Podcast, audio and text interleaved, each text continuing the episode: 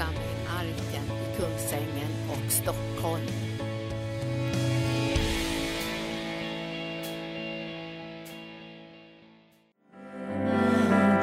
Ja, vi välkomnar det helige Ande att göra orden levande för oss den här kvällen. Vi är här för att höra ifrån himlen. Vi längtar efter din vägledning och din hjälp. Vi längtar efter din kraft och din, dina under. Och vi öppnar våra hjärtan och våra sinnen och tar emot vad helst du vill ge oss. Och vi ber Herre utan begränsning att du ska göra vad helst du vill så att ingenting hos oss ska säga nej eller, eller säga att det, det, går inte. Vi tror att allting är möjligt för dig. Vi tror att du är den som kan göra de stora undren och det är du som kan komma med alla lösningar och utvägar. Och därför så vill vi veta vem du är ännu mera. Vi vill tro på dig, vi vill följa dig i det här livet. I Jesu namn. Och församlingen sa Halleluja. Välkomna. Vi eh, har förmånen att få samlas och tala lite grann om Jesus. Och det är ju liksom favoritämnet kan vi säga. Eh, därför att eh, ingen är som han. Och eh, vi, vi är, vad helst vi liksom, eh, har för saker för oss och vad helst som händer oss i livet så är det eh, räddningen, att vi kan liksom vända oss till honom och eh, tänka på honom och lyssna till honom och läsa om, om hans liv och, och hans gärningar och få en bekräftelse av att han kommer att hjälpa oss. Det är det konstigt det där att vi tänker att ja, ja men Eh, Eh, kan vi inte ta det för givet att han bara ska hjälpa oss liksom? Eh, eh, vilken dag som helst liksom, i livet. Det är ju olika dagar. Ibland är man ju lite mer lyckad kanske tycker man än, andra dagar och ibland är man definitivt mer misslyckad än vad man brukar vara.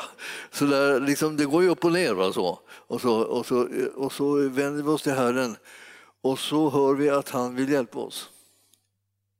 Det har ingen betydelse vad du har för slags dag. Det är ingenting som sätter stopp liksom, för hans eh, kärlek till dig. Utan det är liksom, han älskar dig i alla fall. Det är ju det som, gör, det är det som gör under. Det är precis det där som vi behöver höra och tro på. Att han älskar oss, älskar oss ändå. Alltså man kan ju inte begripa liksom hur det kan liksom ligga till när man är van vid liksom att, att, eh, att älska lite grann efter vad folk förtjänar. Om de sköter sig, liksom, om de är duktiga, om de är kärleksfulla, om de är omtänksamma och, och godhjärtade och, så här, och positiva positiv och uppskattande och så här, ja, då tycker man att man känner sig liksom, att det klappar i hjärtat på en. Liksom, då, då, då tänker man att här kärleken kan flöda. Men Herren, han, han eh, älskar oss ändå. Så. Oavsett om det inte blir några sådana här tjusigheter som kommer fram i vårt liv så älskar han oss. Och det där är det liksom som är räddningen när vi får reda på det. Det är det som förvandlar livet. Alltså att vara älskad utan att ha förtjänat det är ju sånt, sånt, ett under. Så vi tänker, vi är inte liksom på något sätt eh, undanskuffade då för att vi, vi hade en dålig dag. Sådär. Och inte undanskuffade därför att vi har ett dåligt liv överlag. Så det kan liksom vara någonting som kan dra ut på tiden och det kan vara liksom hur kaotiskt som helst och hur svårt och hur kämpigt som helst och alla relationer kan vara liksom misslyckade. Och ändå så kommer Herren till oss och säger, jag älskar dig. Jag vill hjälpa dig, jag vill vägleda dig, jag vill trösta dig, jag vill visa dig utvägar och lösningar som jag har just för dig och som jag har tänkt ut från, från första början. Så att eh, det där med hurdan Jesus är, det är, liksom, det här det viktigaste som du och jag behöver veta i det här livet. Hur, hur han är han som vi tillhör, hur, hurdan är han, Jesus, som vi följer. Hans godhet och hans kärlek liksom känner inga gränser.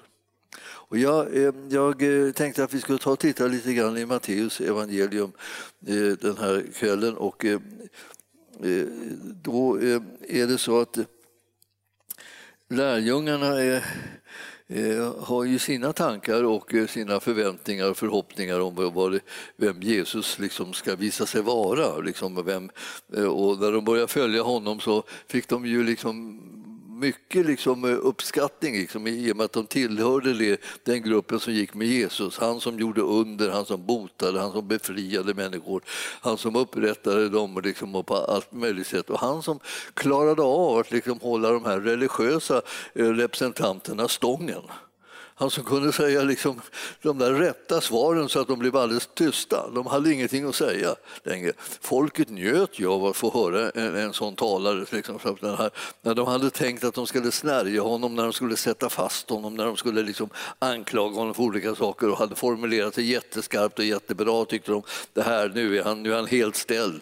Då sa han ett förlösande ord var, och plötsligt var det de som var ställda.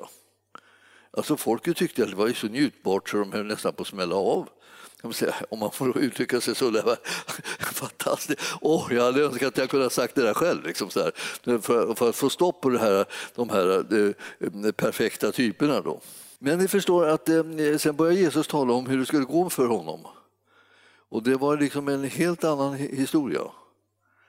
Och eh, här i, i 20 kapitlet i Matteus så hittar vi från 17 eh, versen hur Jesus börjar liksom eh, introducera vad, vad hans liv går ut på. Han börjar tala om för dem och förklara vad det här kommer, vad det här kommer innebära. Och där står det från 17 versen, alltså när Jesus var på väg upp till Jerusalem så tog han de tolv lärjungarna åt sidan och så sa han till dem eh, där de eh, gick eh, vägen fram. Se, vi går upp till Jerusalem och Människosonen kommer att överlämnas till översteprästerna och de skriftlärda, till de översteprästerna och de skriftlärda. Och de, de kommer att döma honom till döden och utlämna honom åt hedningarna eh, och, eh, som ska håna och gissla och korsfästa honom och på tredje dagen ska han uppstå. Det här var ju liksom en sån här sak som Jesus eh, hade lagt upp liksom på, en, en, en, en på en lång sikt. Liksom. Han, han, han sa det här med vissa mellanrum. Han, han sa det för att, att han skulle förstå, försöka lär, lär, lärjungarna behöver för, förberedas på att eh, eh allt, eh, allt som är seger inte alltid ser ut som seger. Det vill säga, ibland ser saker och ting ut som att det här var det, det här var det värsta som kunde hända och sedan så visar det sig att det, att det var det bästa. Har ni varit med om det? Alltså att ni har fått lite liksom i backspegeln upptäckt att någonting som ni tyckte var en katastrof och, liksom, och som förstörde allting plötsligt visade sig vara en, en, någonting som öppnade för dig till en, helt nya möjligheter. Och eh, det, det, tog en utveckling som du inte hade kunnat drömma om. Och då, när du tänker tillbaka på det, tänk ändå att det kunde bli så bra när det var, var så dåligt. Alltså. Och, och, och det, här, det, här, det här händer oss ibland, men, men, men vi förstår inte det när, just när själva svårigheten infinner sig. Då är det som att vi, vi bara ser svårigheten och så tänker vi det här, det här var det jobbigaste och hemskaste. Jag förstår inte varför inte Gud bevarar och hjälper mig och varför han inte räddar mig. Och, så där. och sedan så, så kommer den här räddningen så att säga, på ett sätt som, och i en, en omfattning som vi inte hade kunnat liksom ana. Jesus håller på att lära lärjungarna nu då, att det kommer att hända någonting som de kommer att tycka är förskräckligt. Och det är det som han profeterar ut, den händelsen. Och den här, den här tillfället som är, står här i 20 kapitlet, det är det tredje gången som han säger till de här lärjungarna att, han, att han, han kommer att gripas och han kommer att dödas. Och han kommer att uppstå. Men du vet att vi, vi hör ju inte mer än vi liksom kan tänka oss. Så det är liksom på något sätt liksom väldigt begränsat så här. Man kan säga fantastiska saker liksom från bibelordet och att eh, får, är det någon som hör det? Ja, sådär. Lite hör man ju. Men en bit i taget sådär, lite sakteliga hör man lite saker. Men men här, så, här får de höra någonting som är, ja, det, det, är för hemskt för att eh, kunna få hända och, och det är för bra för att kunna hända. Alltså, det är för hemskt för att, eh, att han skulle liksom bli gripen och dödas och så här. Det är, det är hemskt, det går inte, kan inte, får inte hända. Och sen är det ju liksom, säger han att han ska uppstå. Det är ju för, det är ju för fantastiskt, det kommer aldrig att hända. Det, det, jag menar, hur ska man kunna tro det? Liksom? Man, man hade liksom ett budskap här som var, som var liksom jättesvårt att ta till sig. när man höll på och gick tillsammans med Jesus och, och han eh, gick där ändå som var den suveräne ledaren och läraren och, och, och förkunnaren och helaren och, och befriaren och allt det här som Jesus var. Och så, så, och så skulle man tro att eh, de skulle lyckas gripa honom och döda honom. Det kommer, vi, det kommer folket aldrig tillåta, skulle, skulle de kanske tänka i sitt sinne. Det kommer aldrig kunna ske så, för han är så omtyckt och han är så fantastisk och han har botat så jättemycket människor. Det kommer aldrig ske. Och sen tanken att om det sker, kommer han då att uppstå? Det kan jag inte tänka mig. Kan man inte aldrig, det var ingen som kunde fatta hur det är fortfarande ingen som kan fatta om vi säger så. Att det uppstår. Så det, ja, eh, det här var tredje gången han sa det och eh, det, det var svårsmält. Och eh, då kan man se då att det, de passade, liksom, medan de stod där, liksom alldeles var bedrövade för tredje gången över att han sa det här. Och han talade ju sanning, det hade de ju lärt sig. Han talade ju sanning, men det gick ju inte att ta in det. Då, medan alla var så att säga, helt eh, stumma liksom, över vad de fick höra från Jesus, då passar liksom eh, Sebedeus, eh, sönernas mamma på att komma med en liten önskan en liten privat önskan sådär, som, som, att, eh, som inte hade liksom ett dugg med det här liksom att göra. Egentligen. Liksom, man kan säga att nu hade Jesus liksom talat om och profeterat om sina yttersta dagar, hans död och uppståndelse. Och då kommer hon så här och ska liksom ordna någon slags eh, extra fin plats åt sina söner i himlen. Då, då. Så att hon vill ha liksom en favör för sina söner, precis som att du, du hörde inte möjligen vad vi håller på att prata om här. Nej då, liksom, hon hade tänkt bara, bara liksom, det blir en, liksom en liten tomrum någonstans så springer jag in med mina speciella önskningar. Och det var privata önskningar då. Och vad de resulterade i var ju att hon kom och sa så här, kan inte, kan inte mina söner få liksom sitta där på högra och vänstra sidan eh, om dig i himlen? Jag ska lova mig det, lova mig det, lova nu då, lova, lova. Eh, och, och, och Jesus sa, jag vet ju inte vad du ber om för någonting. Det här, eh, skulle, och, och sönerna stod där väl och hoppades att mamman skulle vara framgångsrik Eh, när, när hon tjatade på där. Eh, och, och då sa de, kan ni verkligen göra det som jag gör så här? Ja, ja, ja, ja det kan vi, sa de. Det var, det var absolut, de hade ingen aning om liksom, situationen och vad den handlade om. Och till slut så, så, eh, så säger han så här, ja, nu är det så här att de här sakerna som händer i, i, i den yttersta tiden och på, i den himmelska världen, det är sånt som Fadern har bestämt om från början och det är ingenting som jag håller på och bestämmer eller delar ut några, liksom, några olika eh, positioner här. Och eh, ni ska veta det att i, i Guds rike så handlar det faktiskt inte om positioner. Det här är ju liksom lite skakande för många som Eh, vill göra karriär sådär. Men det, det, det, finns ju liksom, om man riktigt vet vad, vad, Guds rike är och vad Guds församling är för någonting så förstår man nästan att det här, det är inte en karriärplats. Det är inte där vi håller på att göra karriär. Det gäller inte liksom att försöka manipulera sig fram till olika saker och komma in och få makt och inflytande och bestämmanderätt och allt vad det här. Det, det, det handlar inte om det. Det handlar om något helt annat som Jesus nämligen är exemplet på. Han vill visa oss hur man ska leva i den här världen. Och, eh, Eh, och Jesus, de trodde ju att Jesus var ute efter att liksom kasta romarna i Medelhavet ungefär. Eh, de hade ockuperat landet och nu skulle han komma och han skulle befria dem och de skulle skyffla undan varenda romare liksom, så att de fick ett, eh, liksom ett fritt land igen och sådär. Nej, Jesus var inte intresserad av den typen av, av verksamhet. Utan vad han hade för sig var något helt annat. Om ni läser nu med mig här nu då, i, i 25 versen. Eh, Jesus kallade till sig dem och sa att eh, eh, ni vet att folkens ledare uppträder som herrar över sina folk och att deras eh, stormän använder sin makt över dem. Men så ska det inte vara bland er. Det betyder det att han säger så här ska det inte vara bland oss.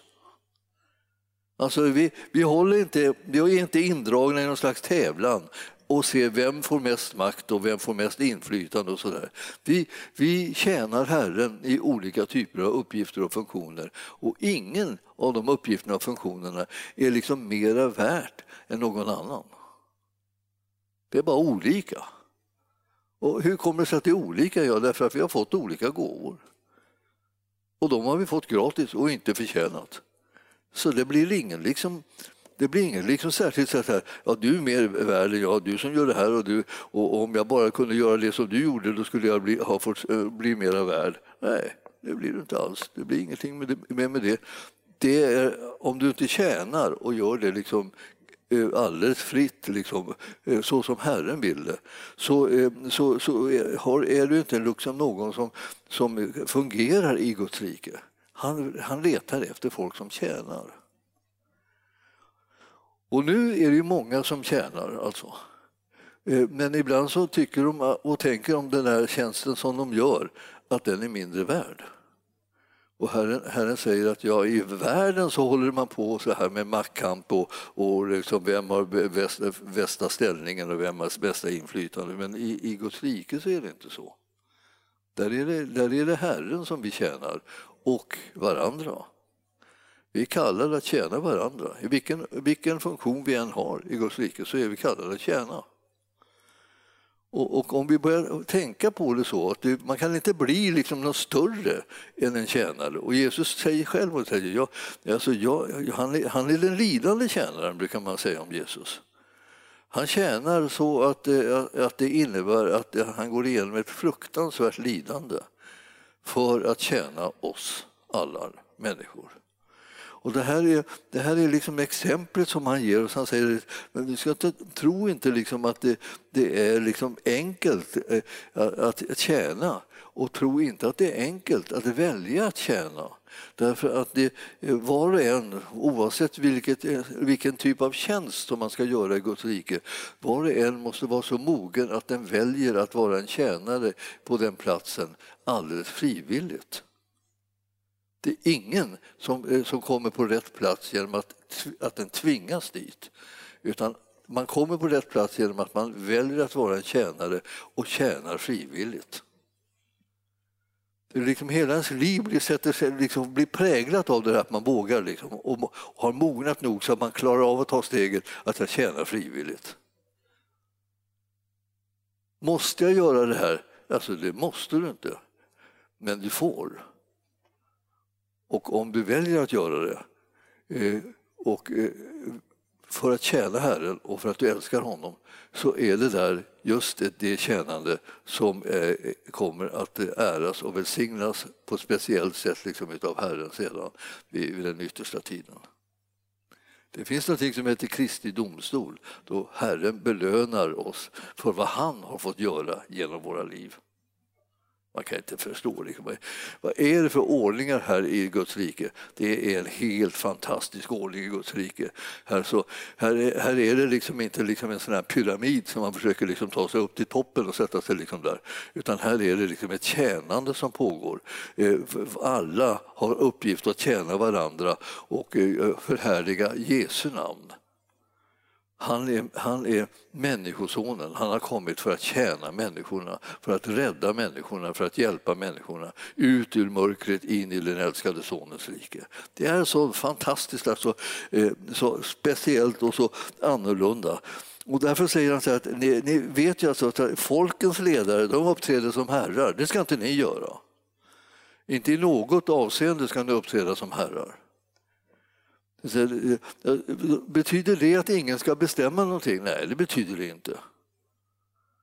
Det betyder bara det att det, liksom, det är ingen som har någon makt över andra som att tvinga dem till det ena eller det andra. Man tjänar människor med de gåvor som man har och sedan så får det konsekvenser i de människornas liv som man tjänar. Så att ni förstår att det här, det här man behöver tänka lite grann på det här. Därför att det, det, det, är, det är lätt att missförstå hur, hur, hur det är i Guds församling. Liksom, att säga. Då står det så här i nästa vers. Då, då. Och så ska ska det inte vara bland er. Nej, den som vill vara störst bland er ska vara de andras tjänare och den som vill vara främst bland er ska vara de andras slav. Så är det någon som har sådana ambitioner, då är, det, då är det tjänare och slavrollen som man ska välja då. Då tänker man, hjälp, jag tror jag avstår från den ambitionen. Ja, det, det är klokt. Men det är ändå så här att det, eh, av, av ren kärlek till Herren så väljer du att vara en tjänare.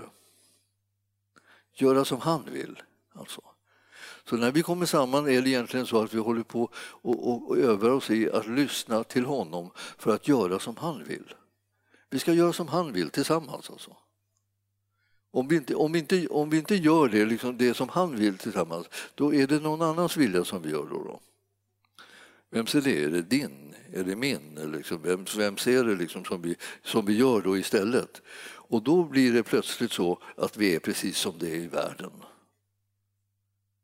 Alltså, det blir någon som blir, som blir herre och tar makten och styr och härjar och liksom, eh, på något sätt och får, kommer över alla andra. Men här, här, här kommer en, en bild av någonting helt annat. Och Jesus han gör så som herden alltid gör, så att säga, det, det, av det rätta slaget. Där Jesus är den rätta herden. Han är den gode herden. Och hur, hur gör han när han leder sina får? Han går före dem. Vad menas med det? Ska han gå först? Ska han vara först då? Liksom, liksom bäst så här. Nej, han går före. Därför att de som är hans får, det är de som känner igen hans röst och följer honom. Så han går inte, han går inte bakom dem och, eller skaffar sig hundar så där, som, som jagar på fåren och driver fåren dit de inte vill. Utan han går före dem och låter höra sin röst och fåren vill följa honom och känner igen sin herdes röst och följer därför honom alldeles frivilligt. Och de plötsligt en dag vill gå åt ett annat håll och ge sig iväg bara. Då fortsätter han åt det hållet som han går på i alla fall. Det är bara det att den, den som inte följer honom är, ingår inte i jorden. Och då vill man säga, ja men jag vill ingå i jorden. Ja, det vill jag också. Så vi, vi, vi, så, vi, vi väljer att ingå i jorden, och då följer vi honom. Och hur ska vi då veta hur, om vi följer honom? Ja, vi måste lyssna till hans röst. Vad säger han? Var hör jag honom någonstans? Vilket håll går han åt? Och det där, alla vi som är intresserade av att vara hans jord, i hans jord, efter honom då, dit han Så, så leder man, så att säga. Det är precis samma sak som utmanar varenda liksom, eh, herde i, i församlingar också. Så fort man liksom börjar tänka så här, ja, nu ska jag tvinga alla liksom att göra som jag vill och gå till håll jag vill och alltihopa det här. Ja, alltså det skulle kunna vara frestande ibland. Och man tänker ja men det är fel, det där är inte bra, de ska inte gå till hållet, de ska gå däråt. Men det enda som gör att de, eh, att de kommer att eh, liksom lyssna till herden det är att de känner igen sin herdes röst och känner igen den, både liksom den, den överherden Jesus och herden, så att säga, den, den, eh, lilla herden som finns i församlingen, då, att det är samma röst, att de talar samma språk. Alltså och att de gör på samma sätt. Så om, om, om, man är, om man är en herde i en församling så, så är det ju liksom så att i, ibland så, så är det många får som hör och känner igen rösten liksom, eh, i, av överheden i det som den underheden så att säga, säger och, eh, och, och dit den går. Då följer man den. Andra tider så är det inte fullt så många som liksom känner igen den rösten utan de, de springer lite hit, hit och dit. Och vad ska man göra det? Ja, man skulle ju kunna jaga efter dem och, liksom, och fånga dem och tvinga in dem allihopa så här, eh, eh, och, och att de skulle tillhöra jorden. Men det gjorde inte Jesus och det är ingen herde kallad att göra heller faktiskt.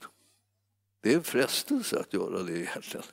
Alltså man skulle ibland vilja liksom tänka ja, men nu, nu, nu, nu börjar den snurra, snurra iväg där på någonting som den har fått för sig. Nu måste jag ta och fånga in den så här och driva den åt rätt håll. Nej, Eh, man måste göra signalen tydlig och sen så måste man gå, fortsätta gå åt det hållet som man ska. Och det har, hänger ihop med den kallelse och vision som man har i varje församling som, från överhelen. Han har sagt det här ska, vill jag att ni ägnar er åt, det här vill jag att ni liksom fokuserar vid. Och så drar ni med er dem som liksom har samma saker i sina hjärtan. och känner igen den här rösten, att den kommer, att den kommer från den helen som de har men också från överhelen. Eh, känner igen det. Och så har de det i sitt hjärta och därför så vill de följa. Och så följer de och då blir de jorden tillsammans. Så jorden går ihop därför att de hör ihop. Så eh, det finns många jordar liksom. Har det alltid funnits liksom många jordar. Men det, vet du, vilken jord är, är det som du och jag tillhör och, och vilken jord är det som andra tillhör? Det, det vet vi egentligen från vårt hjärta, vart vi hör hemma och vilken röst och så här, vilken, vilken eh, liksom, tilltal och kallelse som vi ska känna igen och följa. Det. Då gör vi det därför att vi själva vågar ta ett moget val och säga det där är min hedersröst, jag följer det. Och det är inte det att jag är tvingad till det, utan jag vill. Jag vill det här. Det här är det, här är det som jag, det känner jag liksom i mitt hjärta att det, det är det som är det, det äkta för mig. Det är det som är sanna för mig. Det här är min kallelse. Så Jesus gick alltid före lärjungarna. Ibland så gick de så sakta också. Därför att de inte riktigt ville det som han ville. Inte så där jättemycket. Alltså man kan säga. När Jesus säger så här, efter att han har talat ut alla sådana här ord om, om sitt lidande och kommande lidande och han ska dödas och alltihopa det här, då börjar lärjungarna gå långsammare och långsammare. Alltså man kan, kan man se så här, att Jesus, Jesus gick före. Och, han, och, och sen gick lärjungarna då, han skulle säga, nu går vi upp till Jerusalem. Och det var just det han hade profeterat upp. I Jerusalem där skulle de gripa honom och döda honom. och så. Nu går vi upp till Jerusalem, säger Jesus, och så går han före då. Och lärjungarna går sakta, lite sakta, bromsar så här. Som om man kunde bromsa Jesus liksom, så att det inte skulle gå så fort. De vill helst inte dit alls. De tycker, varför inte Galileen? Ja, nu är det jag som tänker mig bara så här, jag föreslår i Galileen, det är andra hållet. Alltså. Där, fanns det ingen, där fanns det ingen profetia om att de skulle döda honom. så. Men, men i Jerusalem, där skulle allting fullkomligt krossas och gå sönder alltså, i, i, deras ögon. De kunde inte se liksom, att det kunde finnas någonting gott i det att Jesus skulle bli dödad på det viset, om en skulle kunna ha sett det. Och ändå han hade profeterat om det, profeterat om profeterat om det, men de, de orkar inte höra sådana där saker och de orkar inte ta till sig det. Och då ser ni att det står här Ja, eh, så, eh, så säger han i 28 versen nu då, så kommer han liksom till en slags höjdpunkt i det här som han håller på att tala om. Och säger han att alltså, så har inte heller Människosonen, det vill säga det, det är vad han kallar sig själv då, för han ska vara människornas representant. Då. Inte heller Människosonen kommit för att bli tjänad utan för att tjäna och ge sitt liv till lösen för många. Alltså människosonen, han har kommit för att tjäna. De tänker ja, men det är han som är Herren. Är inte han som bestämmer alltihopa? Ja, alltså, han är den som leder oss när vi ska vandra här på jorden. Och hans röst är det som vi känner igen, för han är vår herde. Och han är vår Herre, för att eh, det, det, det är hans vilja som ska ske. Men inte genom tvång. Och ni har märkt att ni inte har blivit tvingade. Tänk, jag, jag har träffat människor som ofta säger så här till mig. Det skulle vara så skönt om man tvingade oss istället så slapp vi springa vilse hela tiden åt alla håll och kanter och tro allt möjligt. Så där vi inte, dit vi inte ska. Tänk om man ändå tog oss i nackskinnet bara körde oss åt rätt håll så kom vi rätt. Liksom. Så var saken klar då. Ja, det hade, det, det hade känts liksom, eh, som att det vore en praktisk service om man, vis, om man visste att det var liksom rätt. Men Herren vill inte ha det på det viset. Han vill att du själv är så mogen så att du väljer att följa honom som du känner igen som din herde och herre. Följ honom. Han har kallat på dig. Du hör hans röst. Följ honom. Och när du gör det, alltså, då blir det det här, alltså, inte någon slags eh, liksom, diktator som vi har fått, utan då har vi fått någon som vi älskar tillbaka, som har älskat oss så att han har gett sitt liv för oss. Jag förstår att det här är liksom vad ska jag säga, kärnan i det här med gemenskapen i Guds församling och i Guds rike överhuvudtaget. Vi älskar honom som har gett sitt liv för oss. Så han som har älskat oss så mycket, honom älskar vi tillbaka. Därför följer vi honom. Det blir som ingen liksom tvekan. Det är inte någonting som man säger oh, jag vet inte om jag ska följa honom eller inte följa honom. Eh, efter ett tag så eh, har du kommit bort från de där typerna av, av tankar och, och, liksom, och själviska funderingar. Utan du, du vill helt enkelt bara följa Jesus. Det, är, det, är, det, är, det, kan man säga, det kan du bli så säker på så att du, liksom, eh, du släpper aldrig taget om det. Du liksom bara tänker, det är vad saken handlar om. Det är vad jag vill göra. Det är det som är det viktigaste i mitt liv. Alltså, Människosonen har kommit för, inte för att bli tjänad utan för att själv tjäna genom att ge, ge sitt liv. Alltså, du förstår, du och jag vi är inte ofta kallade till det här att själv tjäna så att vi ger våra liv. Men vi ställer våra liv till förfogande för honom, inte så genom att vi, vi, vi dör för andra, utan, men vi ställer våra liv till förfogande för att hans vilja ska kunna ske genom oss. Ske min vilja och inte din. Ske hans vilja, alltså i, i, egentligen är det liksom det han säger, det är hans vilja som ska ske och inte våran vilja som, liksom, som drar åt ett annat håll.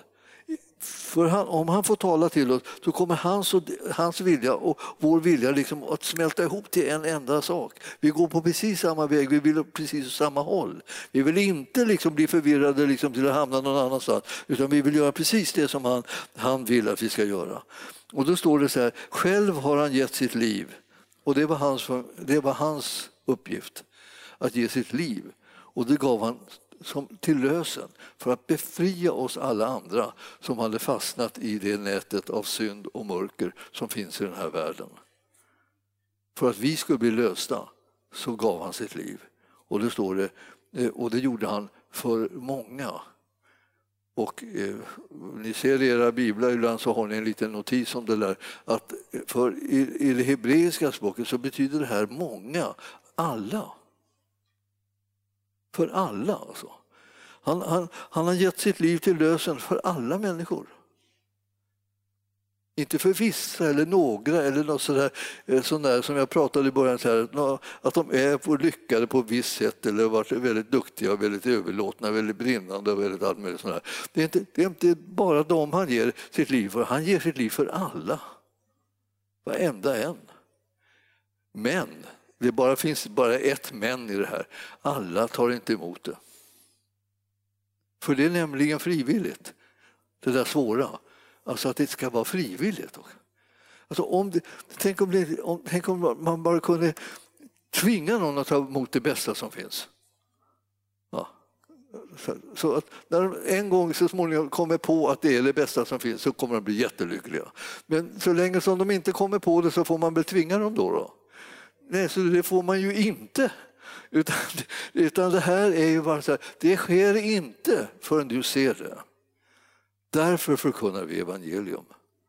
För människor ser det inte förrän vi har förkunnat evangelium och förkunnat evangelium och förkunnat evangelium och förkunnat och vittnat och förkunnat evangelium. Och, så, och de ser det inte förrän liksom, åh! Så, så ser de det liksom. Och det är helt annorlunda och mer fantastiskt underbart än vad än de hade kunnat ana. De tänker så här, jag hade inte en aning om att det var så här.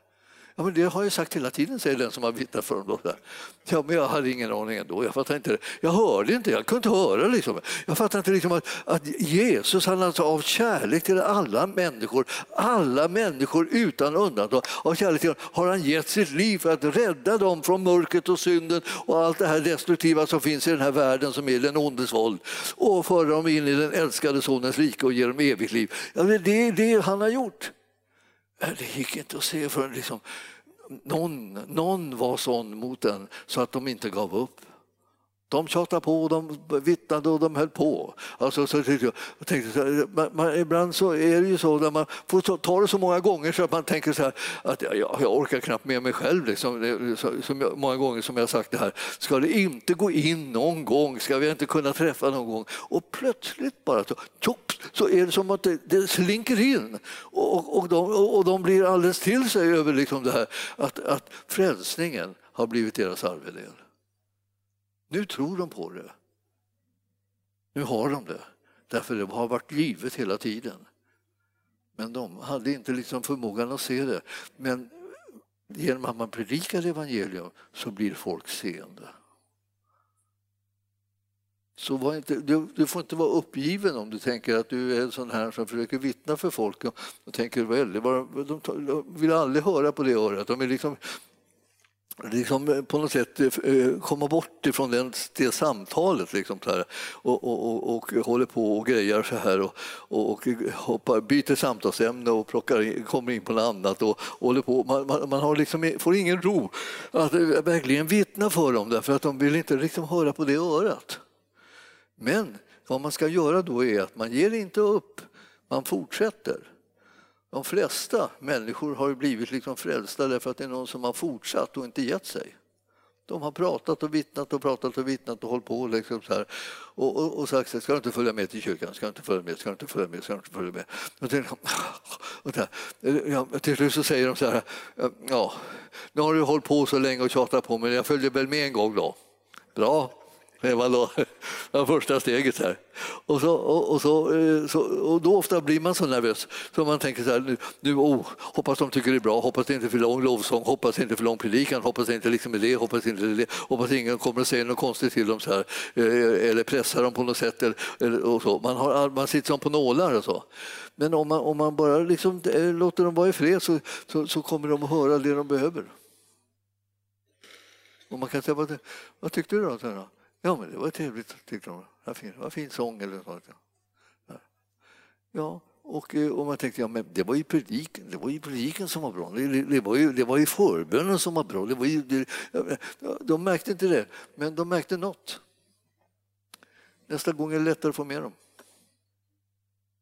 Så jag vill säga till er liksom att evangelium, evangelium handlar om det här som alla måste veta, alltså att Jesus han har gett sitt liv till lösen för alla människor. De behöver inte väga sig själva och säga ja, det här är ingenting för mig, det är för alla. En del tror liksom att man ska ha speciellt intresse, liksom, vara religiöst intresserad. eller någonting sådär. Det, det är för alla. Även för de som inte är religiöst intresserade.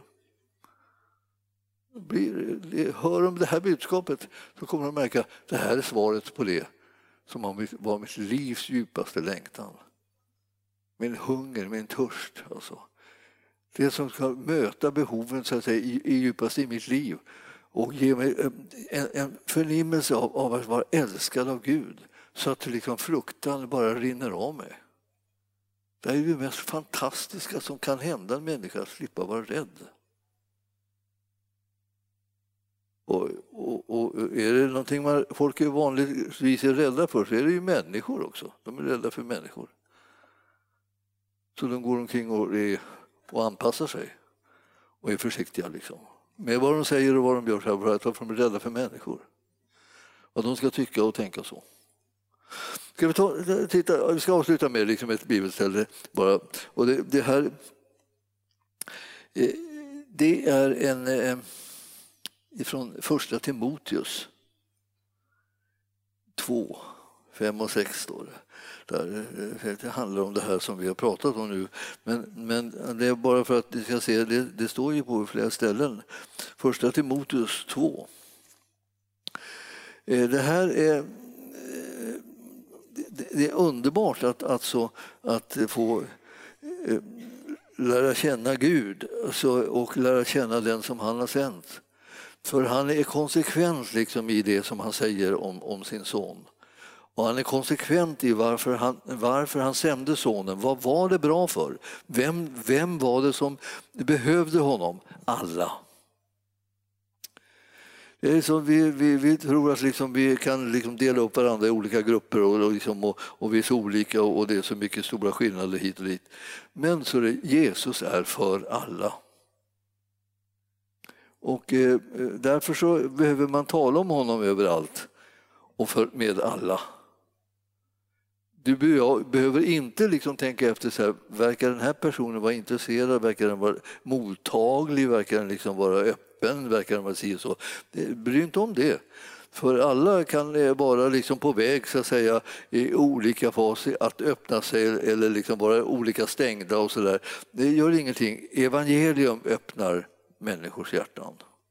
Och därför så är det evangelium som vi talar. Och här står Ty Gud är en, det är femte versen i andra kapitlet i första Timoteusbrevet. Ty Gud är en och en är medlare mellan Gud och människor, en människa, Kristus Jesus som gav sig själv till lösen i alla ställen. Och detta vittnesbörd skulle framföras när tiden var inne. Ja. Och så är det som att det, tiden är inne. Sedan länge tiden inne. Ni förstår, det är, handlar om Jesus. Allting som vi ska eh, sprida eh, är kunskapen om Jesus.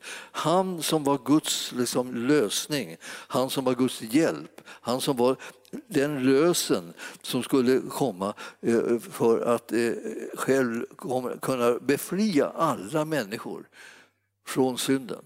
Han, han tar på sig det här straffet i alla ställen. Så att om man känt sig skyldig och känt sig dålig och liksom varit och, och, och, och i behov av förlåtelse och nåd och hjälp och allt det där, där, barmhärtighet och sånt, då är det Jesus som har gått in och tagit på sig straffet för allt det här som, du, som fattas i ditt liv för att du skulle kunna få del av den förlåtelse, befrielse, försoning och nåd och kärlek som du behöver för att det eviga livet ska kunna vara din arvedel och ingenting annat. Vi, vi är, är, lever här som vittnen om alltså att Jesus fortfarande lever. Jag tänker ibland så här, människor säger ja, ja, ja vi, vi, nu är det ju modern, nu, nu är det en modern tid. Liksom, modern tid. Det är inte någon särskilt modern tid, det är bara en tid då Jesus behöver tas emot i tro. En tid då människor behöver bli frälsta.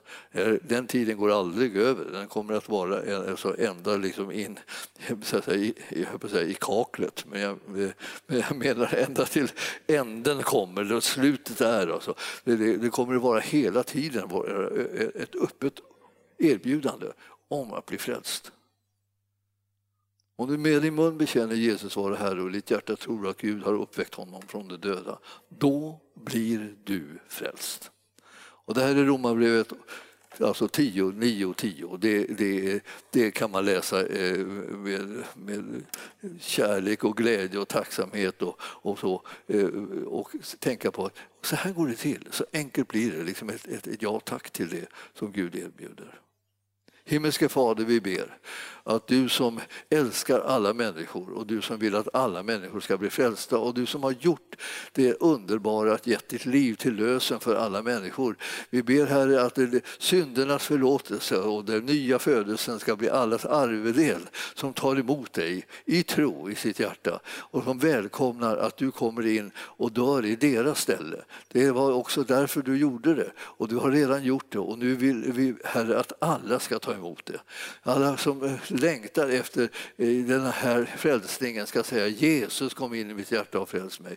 Eh, då är, då är hela saken redan klar, den är redan given. Och jag ber Herre att du ska förvandla varenda människas liv nu som är inom hörhåll för de orden som jag talar. Och vi vill Herre tala till mängder med människor som vi möter överallt på vägen. För det är just det som är själva huvuduppdraget, att få med oss alla till himlen precis som du hade tänkt det. I Jesu namn och församlingen sa. Halleluja. Tack Jesus. Oh, halleluja. Och, och, och då tänkte jag, det där budskapet har jag hört förr. Så är det, hoppas jag verkligen det, för det var väl det som du blev frälst av. Och då är, så är det så att nu, nu ska du låta alla andra höra det också. Vi har ett, vi har ett uppdrag och det, det, vi, vi, vi sitter inte bara liksom och, och tänker så här, ja, vi, vi, ska behöver, vi behöver ta emot olika lösningar på olika problem som vi har. Eh, vi har ett uppdrag att föra ut evangelium först och främst till alla människor som vi stöter på. Vi behöver inte springa till jordens ända så att säga, i egentlig bemärkelse. För jag brukar tänka så här, ja, men jag kanske redan är vid jordens ända. Det beror väl på var man startar. Om man startar i andra änden så att säga, då är jag ju redan där. Och människor finns väl runt omkring oss hela tiden som inte har hört evangelium. Milde tid. Vi välkomnar dem och vi presenterar Jesus för dem. Och eh, ge aldrig upp. Herren ger inte upp.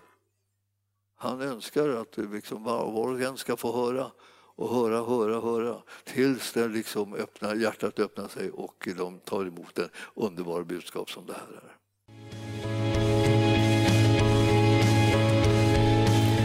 Tack för att du har lyssnat.